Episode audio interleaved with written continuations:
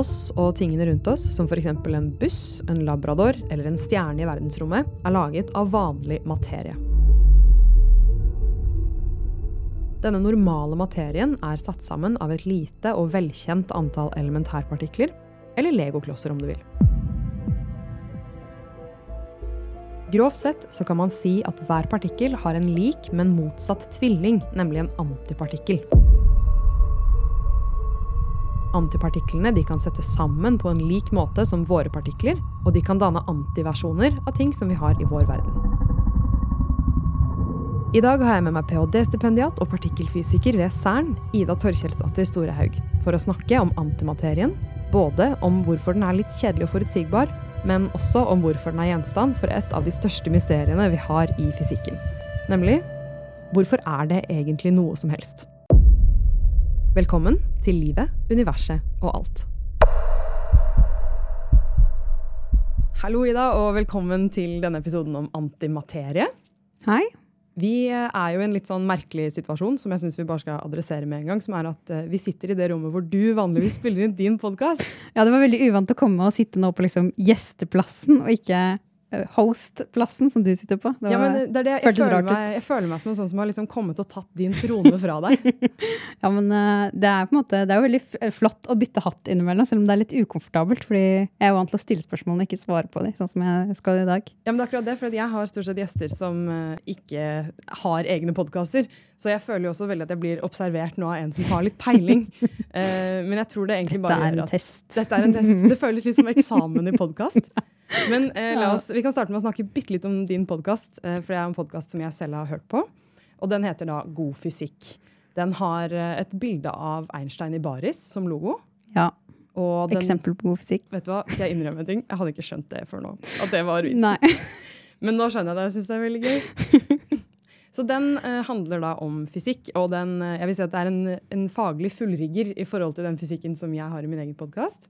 Jeg prøver liksom å ha en slags mellom at det skal være mulig å kunne høre på det hvis du bare har fysikk fra videregående eller kanskje bachelorstudent i fysikk. Eller, men det er litt også sånn at vi måte, Det er en del, en sånn forkunnskap som vi tar for gitt da i podkasten. Ja. Men er det ett segment av vitenskapsformidling som ikke er dekket, så er det jo nettopp det der mellomnivået. da. Eh, så jeg syns den podkasten er helt super. Og så tenker jeg da at til mine lyttere som syns at mine fysikkepisoder er eh, for eh, slurvete, da er det bare å ta turen til God fysikk, fordi der er det gjort litt mer nøye. Takk. Nei, så jeg syns det er veldig hyggelig at du vil være her. i hvert fall. Ja, tusen takk for at du kom. Med. Så jeg tror vi, vi, hopper jo inn i det. Vi skal snakke om antimaterie. Og du, du, forholder deg jo til antimaterie selv om du ikke forsker på det i din jobb. Ja, når du spurte om jeg kunne komme og snakke om antimaterie, så var det litt sånn altså, Det er jo ikke det som er mitt forskningsområde, men det er på en måte inni forskninga mi hele tiden på en eller annen, eh, et eller annet vis. da, Så det tenkte jeg det kan jeg sikkert klare. Eh, så vi får se hvordan det går nå. Ja, jeg synes Det er raust å, å, snakke om det som tross alt ikke er måte ditt eh, ekspertområde. eller det du forholder deg til hele tiden. Ja, eh, for jeg forsker jo, altså jeg skriver en doktorgrad i eksperimentell partikkelfysikk. Som vil si at jeg da jobber eh, ved CERN. Um, og der foretas det jo sånne partikkelkollisjoner eh, i denne store partikkelakseleratoren som ligger under bakken. Og i disse partikkelkollisjonene så skapes det masse antimaterie. Eh, sånn at når jeg går gjennom dataen min og forsker på de ulike partiklene, så ser jeg jo hele tiden antimaterie. Men du tenker ikke sånn wow, antimaterie? Nei, jeg gjør jo ikke det. Det er bare det er en partikkel sånn som enhver eh, annen partikkel. på en måte. Hva er det du egentlig forsker på? da? La oss ta det først. Jeg forsker på noe som heter kvarkglonplasma. Eksperimentene som kanskje er mest kjente ved CERN, de forsker jo på mørk materie. og, og det gjør de gjennom å kollidere protoner. Uh, mens det eksperimentet jeg jobber ved, som heter Alice, der kolliderer vi blykjerner. Eh, og det gjør vi for å lage veldig, veldig varme eh, og tette kollisjoner. Fordi det oppstår interessant fysikk når man har veldig varmt og veldig tett kollisjonssone. Ja, for I denne sammenhengen så er bly veldig stort? på en måte? For en partikkelfysiker er bly veldig stort. Mm. Og hva er det som er måte formålet med den forskningen som dere gjør på Alice? Det, er, det ene siden av det er å på en måte forstå bedre den svake kjernekraften. Um, vi skal komme litt mer inn på det etter hvert, men fysikken består på en måte av fire ulike krefter, og den eh, sterke kjernekraften er en av dem. Og det, den fungerer på en, måte, på en, måte, som vi ikke helt har forstått. Da. Uh, så det ene siden av det er å skjønne den sterke kjernekraften. Og så den andre er å, å ha, få en bedre forståelse for uh, det tidlige universet. Uh, for akkurat den derre det at det blir veldig varmt og veldig tett i kollisjonsområdet, det er jo akkurat de forholdene som det var rett etter Big Bang. Altså det, måte, det, var så varmt at du ikke hadde måte, sammenklumping av eh, materie. Du hadde bare eh, kvarker og gluoner som eksisterte i en sånn suppe da, eh, som vi kaller for kvarklonplasma. Mm. Og så utvider universet seg, og da blir det kaldere. Så i løpet av noen brøkdeler av sekunder så, så måte, klumper kvarkene seg sammen til å lage protoner og nøytroner. Uh, og så tar det nesten 300 000 år med utvidelse og avkjøling før du klarer å danne atomer. Ja, Og det er vel den tiden vi kan se tilbake til, da? Ja, vi ser på en måte tilbake til akkurat der hvor atomene ble danna. Uh, vi kan ikke se, altså Når vi ser ut i universet, så kan vi ikke se tilbake til de første sekundene hvor denne, denne overgangen fra kvarklonplasma til uh, atomkjerner skjedde. da. Der er vi blinde, rett og slett? Ja. Så da må vi på en måte, istedenfor å bruke astrofysiske observasjoner, så må vi gå i laben og prøve å lage lignende forhold. Og det er det vi egentlig gjør uh, ved CERN og Alice. Ja, for jeg, jeg lurte jo på eh, Kvarkelomplasma du beskriver det som en suppe av det som lager materie, og det som binder materie sammen. Mm -hmm. kort sagt. Eh, hvor i universet i dag er det vi finner kvarkelomplasma? Ja, det er jo på CERN, da. ja, I Sveits? ja. Eh, der lager vi bitte, bitte, bitte litt eh, kvarkelomplasma. Det er faktisk det varmeste som har vært i universet siden Big Bang, er de eh, blykollisjonene på CERN. Påstår du nå at det varmeste punktet i hele universet er Sveits? Jepp, det er det. Men det er også bare sånn jeg vet ikke, 10 minus 15 eh, stort, da. så det er veldig veldig, veldig lite område. Eh, som blir veldig veldig varmt. Men det er like varmt som rett etter Big Bang. Det er, det er jo dritkult. Ja, så det er på en måte, det er, jeg tror det er sånn 70 000 ganger varmere enn solas indre. Så det er på en måte, det er, det er veldig veldig varmt. Og så varme temperaturer finner du på en måte ikke så mange andre steder i universet. Men teorien er at inne i nøytronstjerner, hvor det ikke er så varmt, eh, men det er veldig veldig tett, så vil du også finne kvarklonplasma. Mm. Så det er på en måte Big Bang, inni nøytronstjerner og på CERN, da, eh, hvor denne veldig spesielle materien finnes. da. Jeg kjenner at jeg blir litt stormannsgal av å tenke på at vi mennesker liksom har det varmeste Det er vi som har det som er varmest i hele universet akkurat ja. nå. Det er litt kult. Forutsatt at det ikke er en alien-nasjon som lager kvarklumplasma, de òg. Ja, det er sant, men da ja. håper jeg at vår kvarklumplasma er, er varmere enn deres. Vi har den varmeste, yes. Ja. Så Siste spørsmål nå om, eh, om, ditt arbeid på CERN. Det er om det er du som liksom sitter ved spakene? Om det er du som styrer sjappa når det er du som gjør dine eksperimenter? Stort sett så sitter jeg jo i Oslo, og så får jeg på en måte tilgang til dataen som jeg kan analysere på dataen min. Men noen ganger i året så reiser jeg også ned og er med og, drifter eksperimentet. Og da sitter vi på en måte i et kontrollrom, og så er vi på en måte basically ansvarlig for å sette på on-knappen, liksom. Eller nå skal vi ta data, og så sjekke at den dataen ser bra ut, og på en måte deale med hvis det kommer Det skjer jo iblant sånne uforutsette hendelser. Så det er på en måte en av favorittbitene mine ved jobben egentlig når jeg er på Cern og får lov til å sitte faktisk ved spakene og tenke sånn åh, oh, under meg nå så skjer det liksom milliarder av blykollisjoner inni en 27 km stor tunnel, og, og, her sitter jeg og liksom skal ta vare på data som kommer fra det. Ja. Ja, sånn, du sitter og styrer et av de mest måte, ekstreme tingene som skjer i universet akkurat nå. Det er jo dritkult. Ja, det, det syns jeg også, når jeg er det. Mm.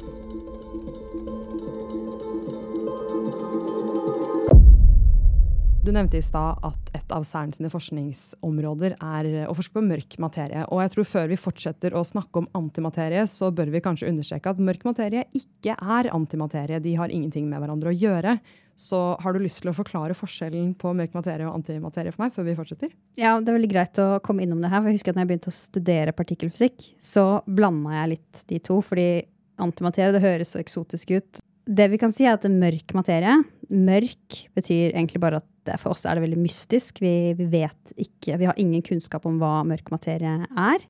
Antimaterie, det vet vi hva er. Det kan vi lage. Det er, måte, det er ikke mystisk på samme måte som mørk materie. Og, også en forskjell er jo på en måte at uh, vi vet jo at mørk materie er jo Eller forekomsten av mørk materie i universet er jo fem ganger større enn vanlig materie.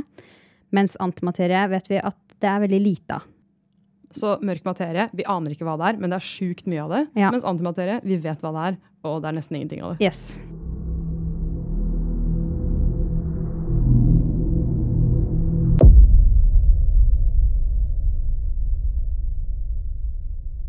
Så du sa at antimaterie lyder veldig eksotisk. Eh, og da lurer jeg på om dere partikkelfysikere egentlig syns at eh, antimaterie er liksom kult og eksotisk? Altså Første gang jeg var eh, på CERN, det gjorde jeg under bachelorgraden. Um, da skrev jeg Min bacheloroppgave min var faktisk om et av de antimaterieeksperimentene som er ved CERN, som er på en måte tilegna antimaterie.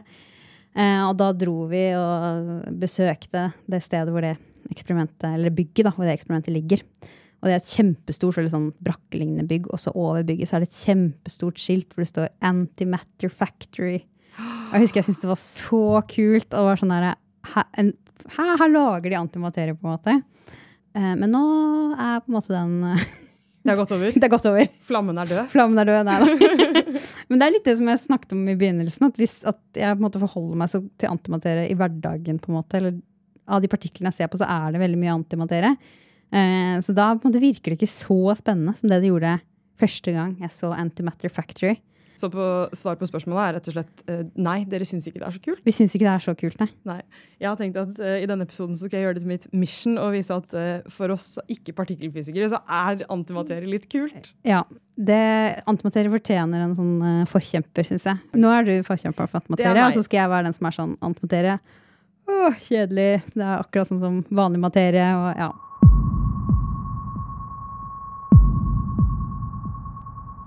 Du nevnte i stad at vi vet godt hva antimaterie er. og Derfor så lurte jeg på om du har lyst til å eh, fortelle oss da, aller først og fremst hva vanlig materie er laget av. Jeg har jo allerede begynt jo på en måte med å bruke ord som kvark og glon i kvarkglonplasma. Ja, og vi bare glatt eh, definerte yes, ikke det. Yes. Nå kommer definisjonen, da. Eh, for kvark eh, det er en materiepartikkel. Eh, så det er det som er inne i protoner og nøytroner. Hvis du, på en måte, hvis du zoomer inn på et atom, så består det av en atomkjerne eh, med protoner og nøytroner. Inni protonene og nøytronene så er det kvarker. Men det er ikke noe inni kvarkene? Så vidt vi vet, er det ikke det. Det er liksom så smått vi har klart å se. da. Eh, og så har du elektronskyen som går rundt atomet. Det er også en materiepartikkel. Så materie sånn som vi kjenner det, det er laget av kvarker og eh, elektroner og brødrene til elektroner eh, og nøytrinoner. Og det er på en måte materiebiten av det. Og så har du interaksjonen mellom materiepartiklene som blir formidla gjennom disse fire kreftene. Eh, så da har du elektromagnetisme, svak kjernekraft og sterk kjernekraft. Og det er på en måte all type interaksjon mellom elektroner eller kvarker eller er gjennom en av de fire kreftene. Og man kan si at formidleren til de fire kreftene har også en partikkel. Formidleren til den elektromagnetiske kraften, det er fotonet. Lys? Ja. Så hvis eh, eh, ja, et elektron og en annen partikkel interagerer elektromagnetisk, så utveksler de et foton.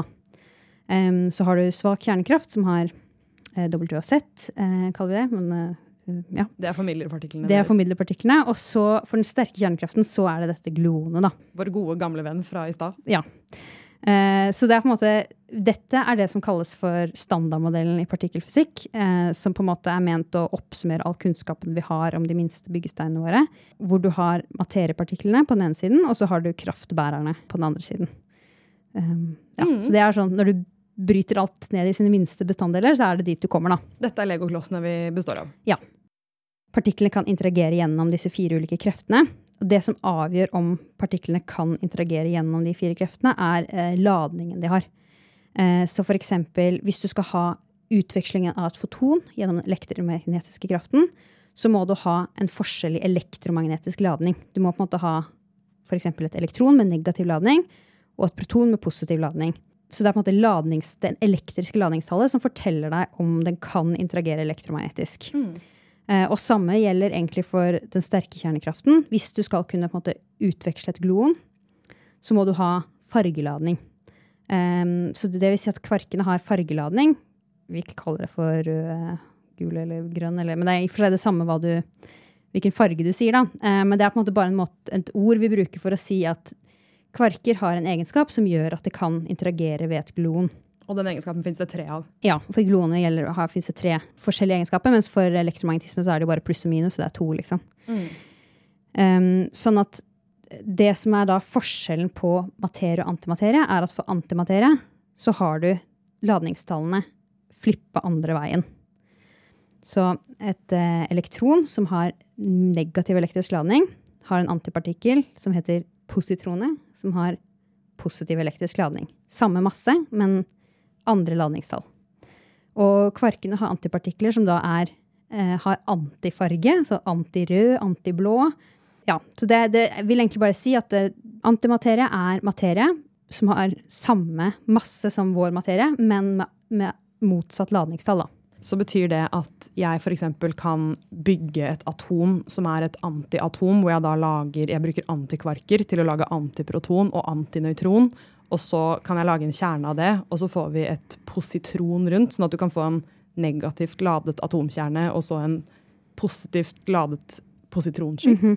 Ja, sånn at proton som da består av tre ulike kvarker, eh, som da til sammen må de ha egentlig liksom nøytral fargeladning.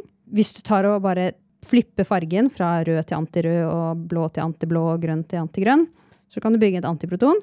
Og så som du sier, så kan du knytte det til et antielektron, et positron.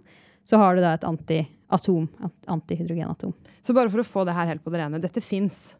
Det finnes. Dette- det kan vi lage. Det er, det er ingenting i vår verden som forbyr dette å eksistere, gitt at vi liksom har et perfekt vakuum. Så kan vi godt lage en fullstendig antiburger i et sånt vakuum, på en måte. Ja, det er innmari vanskelig, da, men vi kan det. Eh, så det er på en måte det stedet det har blitt laget mest antiatomer, det er jo igjen ved CERN. På den Antimatter Factory så gjør de akkurat det vi snakket om nå, at de lager antihydrogenatomer, og så forsker de på egenskapene til antiatomer.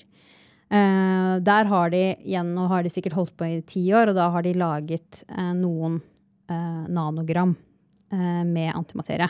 Ja, jeg så Så det er på en måte et stykke fra en hamburger. Må det. Ja, det kan du godt si. Jeg så at uh, for å lage ett gram antimaterie, så uh, kommer dette med den raten vi har nå til å ta 100 milliarder år.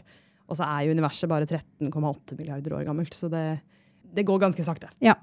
Det er en, en treig fabrikk, på det en er måte. en veldig treig fabrikk for å lage antimaterie. Og, men utfordringen er på en måte ikke den tekniske, det å putte sammen anti... Eller det er jo selvfølgelig vanskelig, det òg, men, eh, men utfordringen er jo ofte det å lagre det, fordi vi skal jo komme litt inn på det etter hvert, men mm, hvis antimaterie treffer noe materie, så forsvinner det.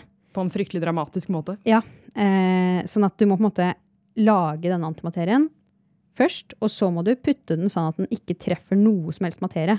Og det er jo litt vanskelig i vår materieverden, så da må du ha som du sier, veldig godt vakuum. Og du kan ikke legge den et sted, for da treffer du et gulv laget av Alle beholderne Materie. våre er dessverre laget av materie. Yes. Det er hardt å være antimaterie i en materieverden. Det, man lever ikke lenge da, nei. Nei.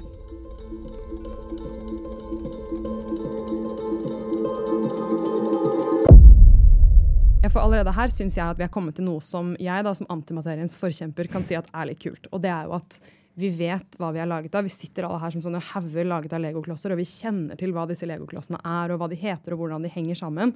Og så finnes det liksom et helt annet, på en måte motsatt sånt speilbilde-legokloss-sett, som er antimaterien. Og det er på en måte ingen grunn til å tro at ikke man kan lage ganske like ting som oss av den antimaterien. Og det tror jeg at vi ikke-partikkelfysikere syns er kult. At det, teknisk sett så kan man bygge en antipartikkel meg, da, som er laget av bare antiatomer satt sammen til å bli ganske lik meg. Fordi vi kan jo se det, eksempel. Ja da. Nei, altså, på alle måter så er det likt eh, som materiepartiklene. på en måte. Så bare for å lage et eksempel som vi kanskje kommer litt tilbake til. Vil en antilabrador i en antiverden se helt lik ut som en labrador i vår verden? Og dette spørsmålet syns jeg er så vanskelig, um, fordi jeg sa jo, har jo sagt materie er akkurat det samme som antimaterie, bare med andre ladningstall.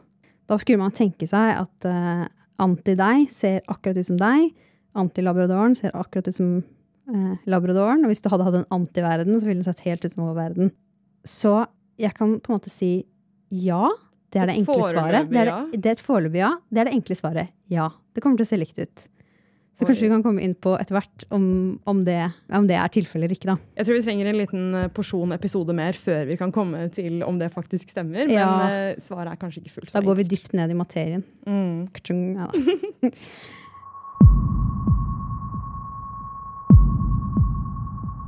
En annen ting som er litt kult med antimaterie, da, som jeg fikk litt bakoversveis av første gang jeg fikk vite det, det var hvordan antimaterien ble oppdaget. Eh, Så jeg lurer på om du har lyst til å ta oss tilbake til 1928 og fortelle oss hva Paul Dirac drev med da. han drev med det veldig mange fysikere drev med på det tidspunktet, som var eh, kvantemekanikk. Det var jo ikke så mange år før så hadde, hadde de funnet ut at eh, elementærpartiklene er kvantemekaniske objekter, som f.eks. betyr at de beskrives av Schrødinger-ligningen. Og Dirac han jobba med Schrødinger-ligningen og syntes at det var veldig lite tilfredsstillende at den på en måte var i strid med, med Einsteins eh, teorier, som jo også var på måte på samme tidspunkt. Så dette var et tidspunkt det skjedde veldig mye i fysikken, og på en måte på to ulike leirer. Du hadde liksom Einstein med hans eh, relativitetsteori, og så hadde du kvantemekanikken eh, med Schrødinger og Heisenberg. Og eh, Dirac han så at det var i Schrødinger-ligningen en et slags motsetning da, til Einsteins relativitetsteori. Så han hadde lyst til å gjøre kvantemekanikken mer til å passe med relativitetsteorien. Og det fikk han til. Han eh, triksa med ligningene, sånn som uh, fysikere kan gjøre. Men det som da poppa ut når han triksa med ligningene, var at du har to løsninger for det som da kalles for Dirac-ligningen, som var hans omskriving av Schrødinger-ligningen. Og i utgangspunktet så var han sånn OK, to løsninger. Den ene ser på en måte ikke ut som noe vi ser rundt oss, den ene løsningen. Kanskje det bare er, kanskje det ikke eksisterer. Men etter hvert så begynte de å tolke Dirac-ligningen på den måten at denne, disse andre løsningene eh, er antipartiklene. Sånn at eh, Dirac-ligningen, som da er en omskriving av Schrødinger-ligningen, forutså på en måte eksistensen av antipartikler før de ble eksperimentelt observert. da. Så matten visste det før eksperimentene? Yes, det skjer ofte i fysikken, faktisk. At eh, man får ja, en teoretisk prediksjon da, før, uh, før, du ser det faktisk eksperimentelt. Jeg synes det er så fantastisk når det ramler ut noe av ligningene, og så klør alle seg i hodet, og så, og så brått så skjønner man at å ja, dette har vært her hele tiden. Ja. Det er veldig kult.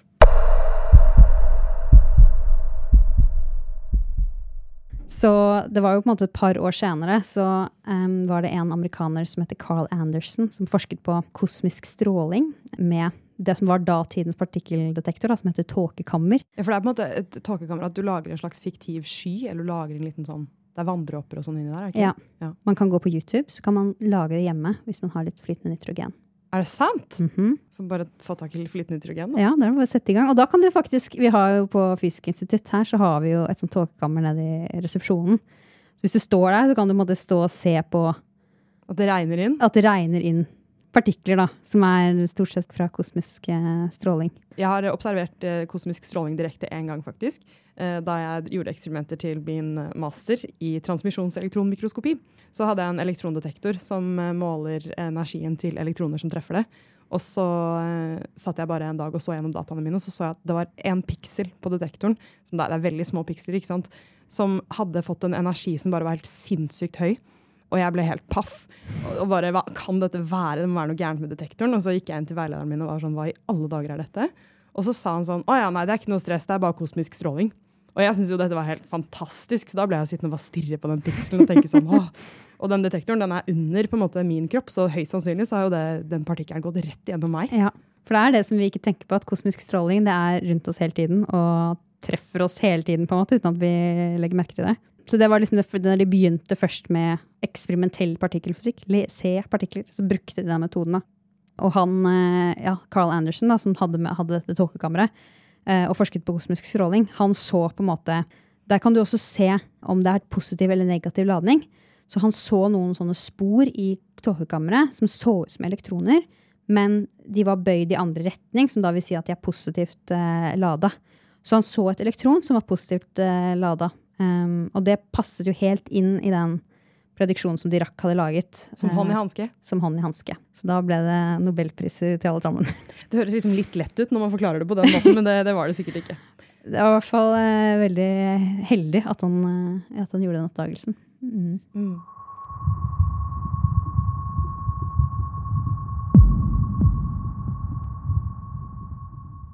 Noe av det som er veldig dramatisk da, med antimaterie, og som både jeg og veldig mange science fiction-forfattere syns er veldig kult, det er jo dette med at eh, når antimaterie møter materie, så forsvinner begge deler, og så står du igjen med ren energi. Og dette heter annihilering, og jeg lurer på om du har lyst til å fortelle oss hva, som, hva det egentlig er da, på partikkelnivå. Jeg tror eh, Det er sikkert dette med grunnen til at folk vet hva antimaterie er. Fordi det er så dramatisk. Da, som du sier, det, det frigjør ekstremt mye energi. Eh, og grunnen til at eh, det frigjør mye energi, det har opprinnelig sitt opphav i E er lik MC annen, så Einsteins eh, famøse ligning. Ligning som sier at energi og masse er to sider av samme sak? Nettopp, for da har du på en måte E på den ene siden av likhetstegnet, og så har du M på den andre siden av likhetstegnet. Eh, og så har du da C i annen, eh, hvor C er lyshastigheten, så den er kjempe, kjempestor. Eh, så det det vil si, er på en måte at ut av lite materie kan du få veldig, veldig mye energi. Vanligvis så ser vi jo altså, typ All energi vi får, handler jo om at du tar bort materie. Altså når du tenner fyr i, i peisen din, så bruker du på en måte materien i veden til å lage energi. Kjernekraftverk fungerer på samme måte. Um, Så E lik MCA-en, den er flere steder? ja da, det overalt. uh, men det som er med, med antimaterie, er jo at eh, hvis antimaterie møter materie, så er jo massen det samme. Eh, sånn da for, forsvinner all massen. Du sitter ikke igjen med noe restmasse. All massen går over i energi. Og det betyr at det frigjøres veldig, my, veldig mye energi, da. Det er dette jeg tror science fiction-forfatterne syns er kult. fordi jeg tenkte på dette på vei hit. og det er at En bombe den ødelegger ting og gjør at det går i flere biter. Men en antimateriebombe den gjør at det du bomber, forsvinner. Og det er mye mer guffent. Og også det på en måte, altså den, den enorme energien som hvis du har 0,5 gram med materie, og lar det møte 0,5 gram med antimaterie, så er det like mye kraft i den eksplosjonen som det var i eh, atombomben eh, i Nagasaki. Ok, Så et halvt gram antimaterie pluss materie tilsvarer én atombombe? Ja. Okay. Det er på en måte enorme mengder eh, energi da, som, som frigjøres i en sånn annihilasjonsprosess. Eh, og det kan man jo Man kan bruke det til å liksom, lage en bombe, men man, ja, i science fiction så bruker man det ofte som sånn fuel til eh, romskipet, sånn. romskipet ditt, eller ja. Jeg gjorde faktisk en liten utregning i stad, som var på en måte gitt at jeg møter Anti-Susanne. da, mm. eh, Og så vil vi hilse på hverandre, f.eks. gjennom et håndtrykk eller en high five. Eh, gitt at vi ikke puster på hverandre, fordi hvis vi puster på hverandre, så vil pusten vår annihilere, og det Mhm. blir lite hyggelig. Mm. Men gitt at vi holder pusten, og så gir vi hverandre en eh, hyggelig high five, så veier min hånd ca. 300 gram. Og da tilsvarer det, ifølge det du sa nå, 600 atombomber. da. Mhm. Så det er ikke, ikke et hyggelig møte i det hele tatt mellom oss to. Nei, da vil jo hele, i hvert fall hele jorda utslettes, som ikke hele solsystemet, på en måte. Ja, Så det hadde vært kjipt. Så hvis du møter antiversjonen av deg selv, ikke gi en high five eller en klem. Nei. Mm.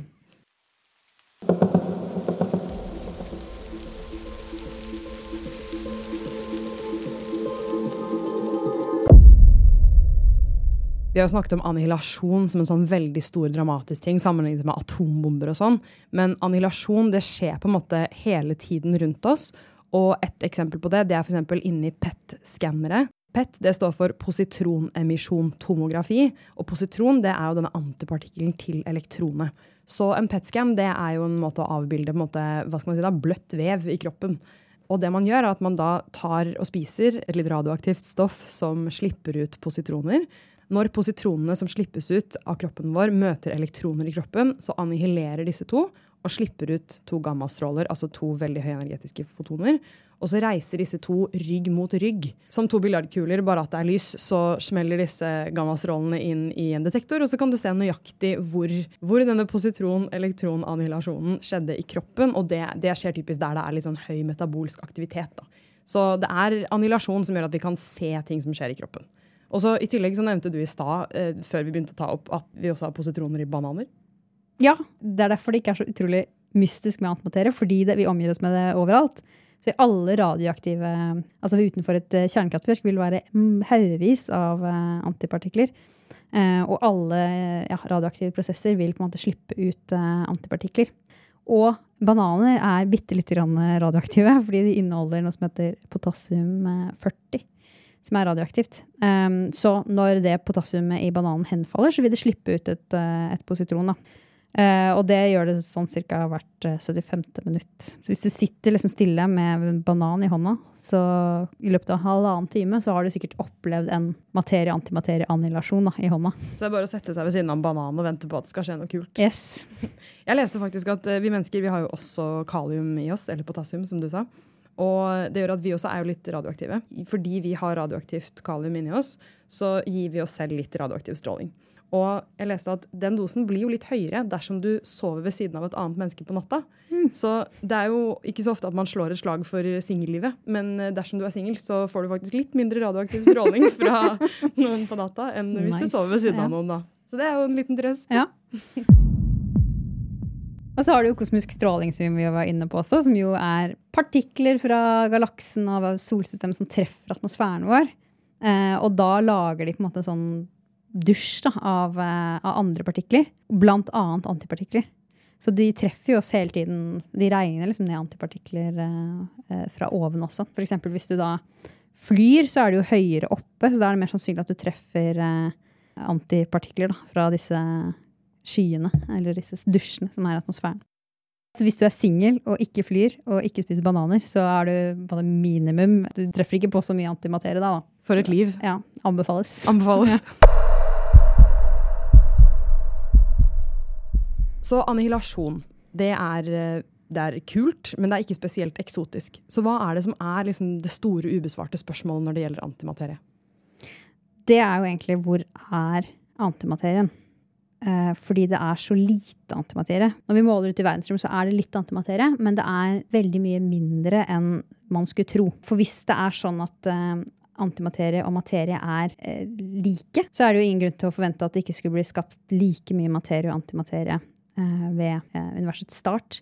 Eh, vi begynte jo på en måte å snakke om Når jeg forsker på korkplasma, så er det liksom det universets opprinnelse, eller universets start, hvor du har veldig veldig høy energi, som det betyr at du på en måte har eh, et hav av eh, fotoner. Da. Og når fotonene de vil splitte seg i elektron- og positronpar, som vil finne hverandre igjen og annihilere og bli til fotoner, som vi snakket om.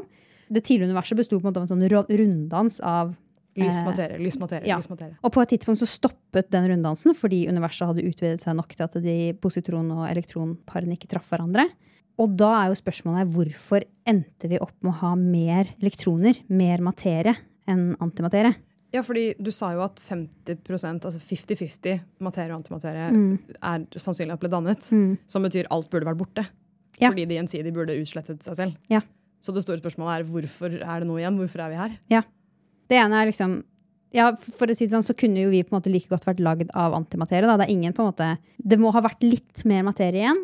Og vi vet ikke hvorfor det var materie og ikke antimaterie. Og vi vet ikke hvordan ja, hvor, hvorfor ikke all den materien bare annihilerte i antimaterie, er et veldig uklart spørsmål. Da. Ja, Og det er vel noe man forsker litt på? Det forsker man på. Det kaller vi for liksom materie-antimaterie-asymmetri.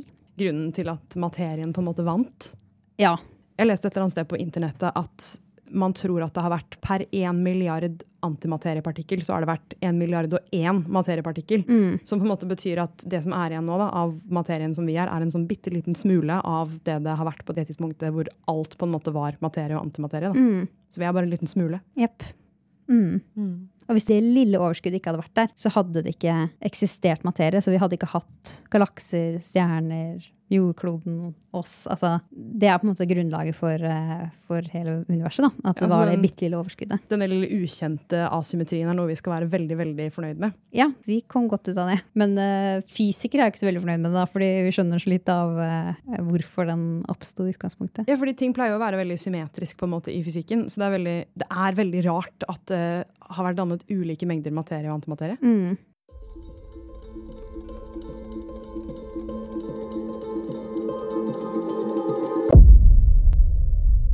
Så vi har etablert at ved universets begynnelse så ble det dannet 50% av både materie og antimaterie, og så har det jo foregått en annihilasjon. Ja, eller kanskje, da. Fordi noen sier sånn ja, nei, det ble bare stat, stat, det må mer materie fra begynnelsen av. Uh, teit forklaring. Så da sier vi at det ble dannet 50% Det er mange som tror at det er 50-50. Ja, ok. Vi kan, vi kan ta det i utgangspunktet. Det ble dannet like mange. Ja. Ok. Eller egentlig uansett hvor mye det ble dannet. Det ble dannet en solid porsjon av hver. Mm. Eh, hvorfor kan vi ikke bare si at antimaterien er et eller annet annet sted? Mm. Det er fordi at eh, hvis det hadde vært en antimateriegalakse ved siden av vår eh, galakse, eh, så ville det i den sonen hvor de møttes, så ville det jo møttes partikler og antipartikler, og så ville du fått annihilasjon. Og så ville du fått veldig sånn kraftig stråling. da. Mye lys, egentlig. Eller fotoner. Og det burde vi da Vi kan jo se hva, fire milliarder lysår ut i rommet. Og på de fire milliarder lysårene så har vi ikke noen indikasjoner på at det er en sånn stort område med antimaterie noen steder. da. En infernalsk vegg av energi og lys som kommer mot oss, eller vekk fra oss? Nei, vi har ikke sett det. Da tror jeg folk ville hørt om det. Ja, det håper jeg også. Det hadde nok vært ganske stressende. ja. Så da kan vi etablere at antimaterien den har ikke gjemt seg et sted. Nei, den har ikke gjemt seg et sted. Så takket være en asymmetri som vi ikke vet hva er, mellom materie og antimaterie, så fins vi. Fordi vi er igjen som en sånn liten smule av den store annihilasjonsdansen som foregikk da tidlig i universet. Mm. Og hvilke teorier har vi da for hva denne asymmetrien kan være?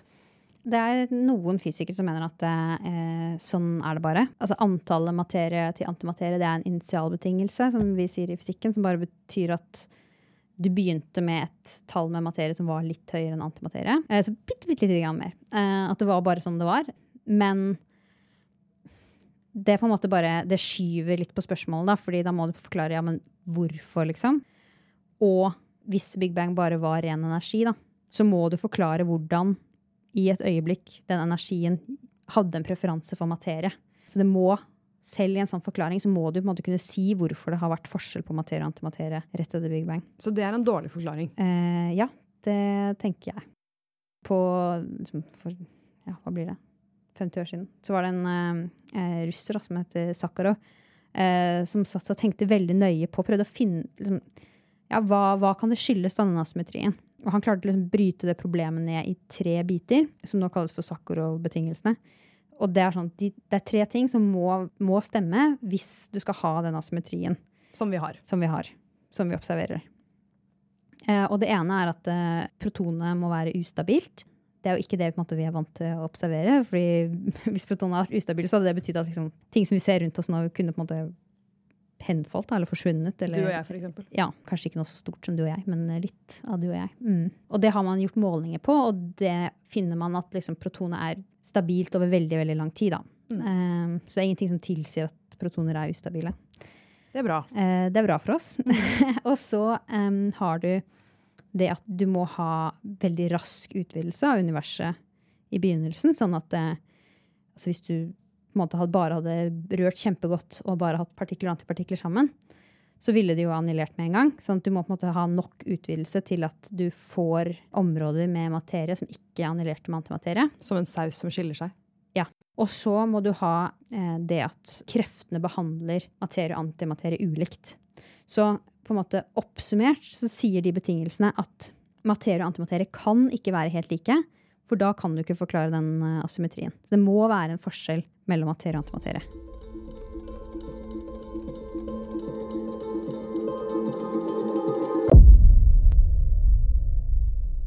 Og her så tror jeg at vi kan gjenopplive den labradoren som vi la dø tidligere i episoden. Mm. Eh, fordi jeg lurer på, basert på det vi diskuterer nå, da, kan du si litt mer om den antilabradoren i en antiverden vil se lik ut som en labrador i vår verden? Mm. For når jeg svarte på det i stad, så sa jeg sånn ja, de, de er like. på En måte. En antiverden er helt lik vår materieverden. Men det som de sakrobetingelsene tilsier, er at det, det, må være en forskjell.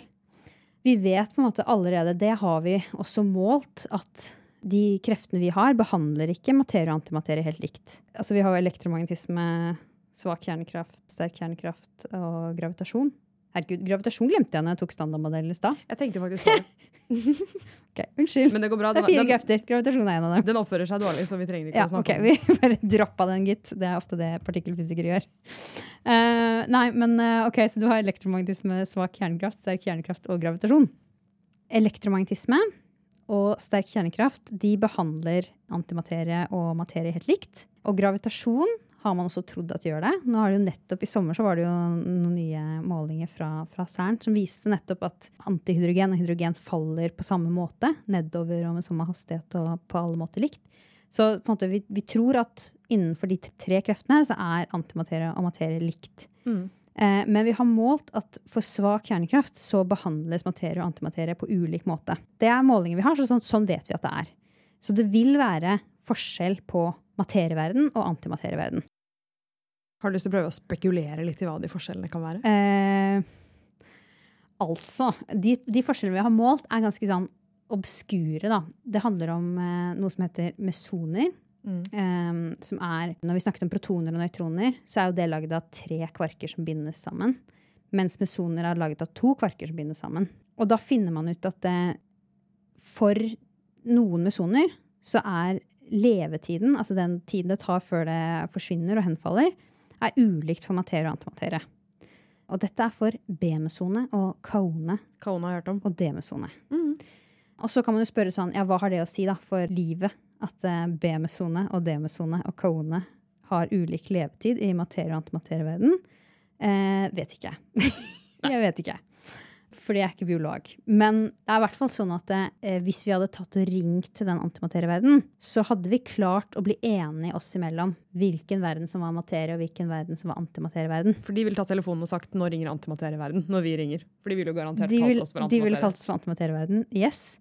Og så måtte vi bare håpe at det er noen partikkelfysikere der. Hvis det hadde vært det, så hadde vi liksom kunnet sette opp et eksperiment som vi hadde klart å skille mellom Er de samme type materie som oss eller ikke, da? Altså, det er vanskelig for meg å spekulere på om det ville vært en forskjell på om labradoren ville sett annerledes ut, eller om antisusonene ville sett annerledes ut. Men det er en forskjell som er målbar. Så må du sikkert invitere en biolog, eller jeg vet ikke hvem som kan svare på, på Jeg tror ikke biolog kan svare på det. Nei, kanskje ikke. Kanskje ikke.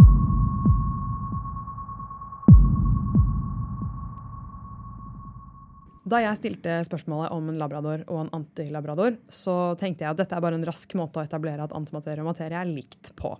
Men eh, vi hadde et planleggingsmøte nå før denne innspillingen hvor det dukket opp en mye mer subtil forklaring på hvorfor labradoren og antilabradoren potensielt sett ikke er like.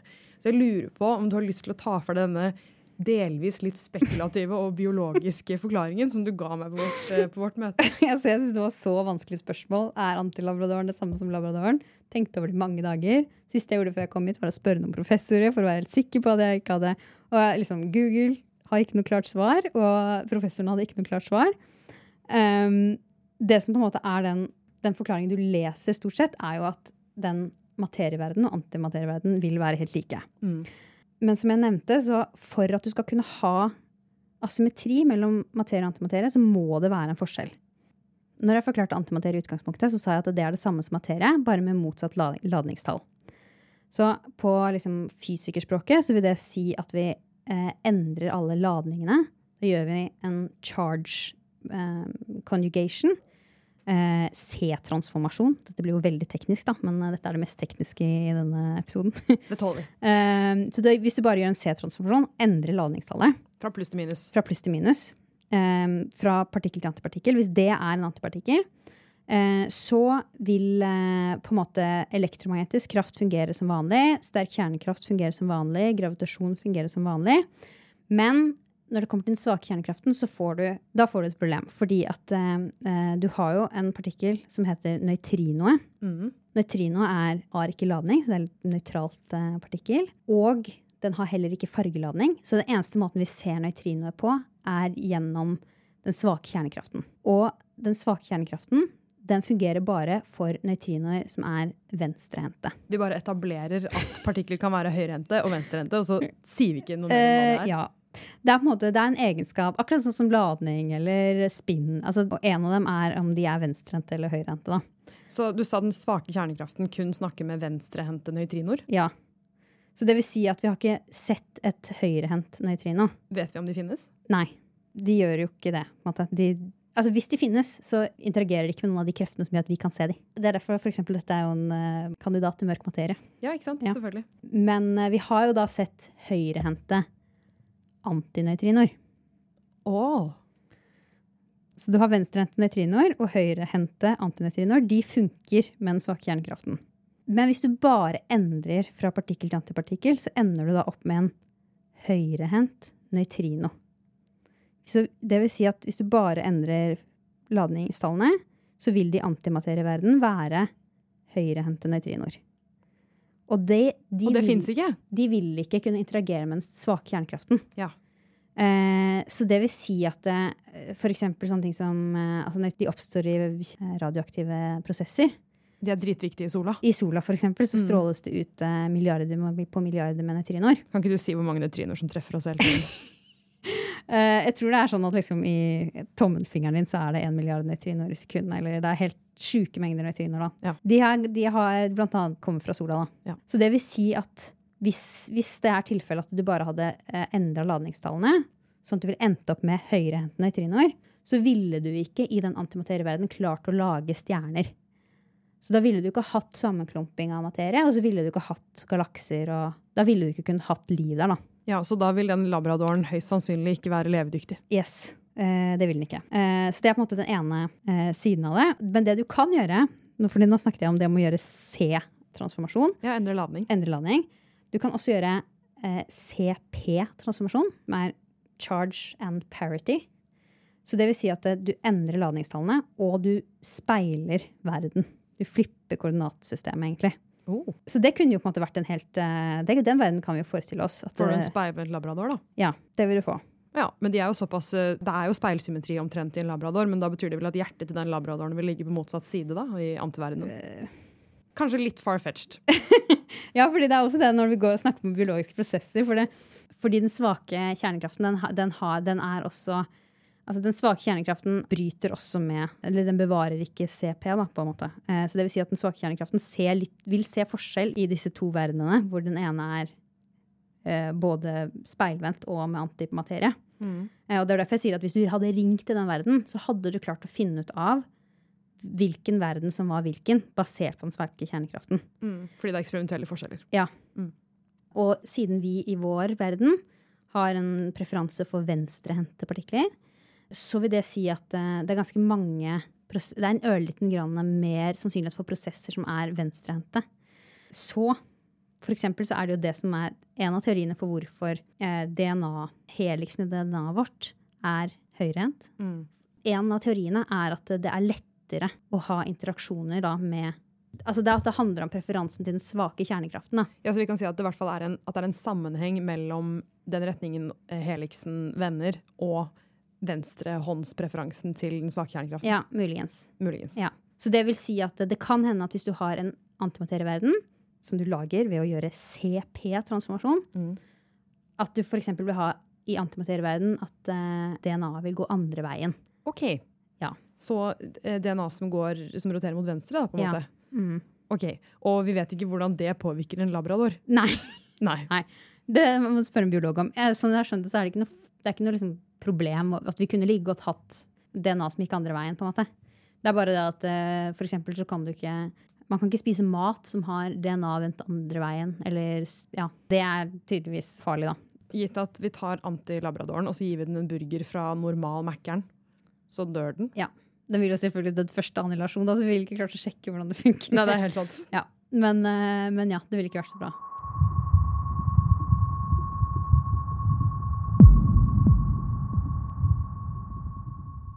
Og så er den siste muligheten, da, som er at du har For nå var jeg gjennom at du bare flipper ladningstallene, og så at du flipper ladningstall pluss speilvenner. Og så er det at du flipper ladningstall, speilvenner og kjører tida bakover. Så det vi kaller for CPT-transformasjon. Da vet vi at den verden, antimaterieverden, hadde vært helt lik som vår materieverden. Betyr det at hvis vi ringer til den, så kan vi ikke eksperimentelt på en måte konstatere at det er en av oss som er det ene og den andre? Nei. Da ville det vært helt umulig å separere. Men det er jo også sånn, jeg klarer ikke helt å forestille meg hvordan det ville vært å Ringe noen hvor tiden går baklengs? Ja, nettopp. Det er, jeg synes det er utrolig kult. Altså sånn, det er jo bare matematiske transformasjoner du snakker om, men så har det helt sånne totalt bare sprø implikasjoner, da, som at tiden kan gå baklengs. Mm. Det er jo noen teorier som sier at, at den antimaterieverdenen finnes, men fordi at tiden går baklengs, så eksisterte den før Big Bang. Sånn at på en måte antimaterieverden var før Big Bang. Du skrudde tida tilbake, så var det Big Bang, og så kom materieverden.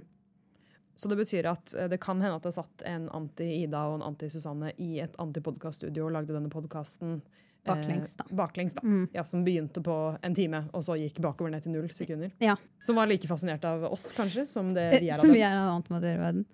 Ja, men, eh, men grunnen til at vi liksom diskuterer sånn, ja, kan man merke forskjell på materie og antimaterieverden, er jo nettopp at for å forklare hvorfor det er mer materie, så må det være forskjell. Så en av disse teoriene på en måte må jo vise seg å stemme.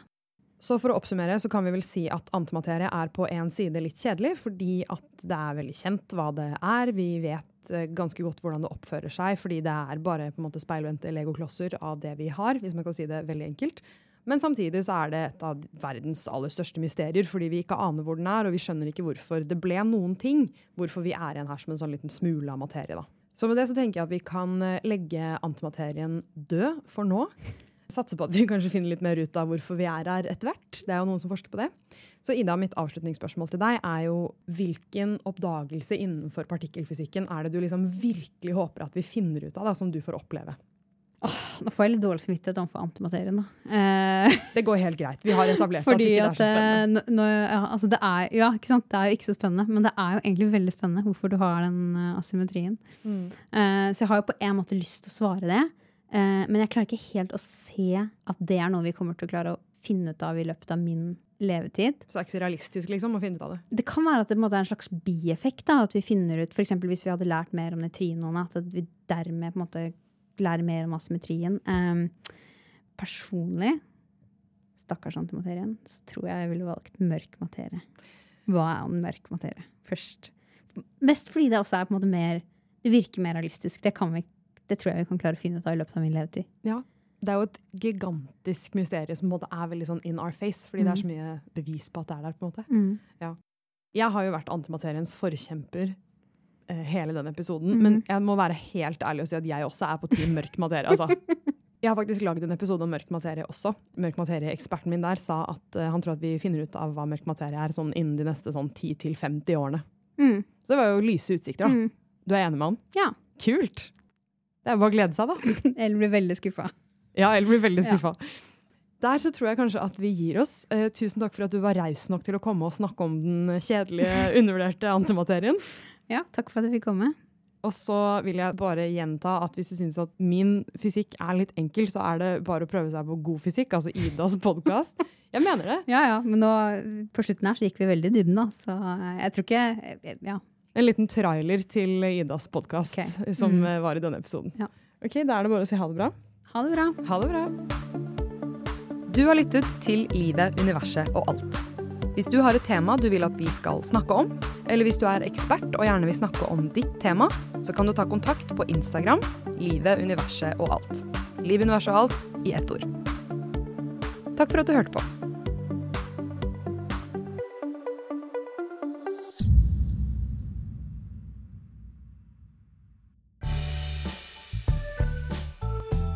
Du har lyttet til en podkast på Radio Revolt, studentradioen i Trondheim. Sjekk ut flere programmer på radiorevolt.no.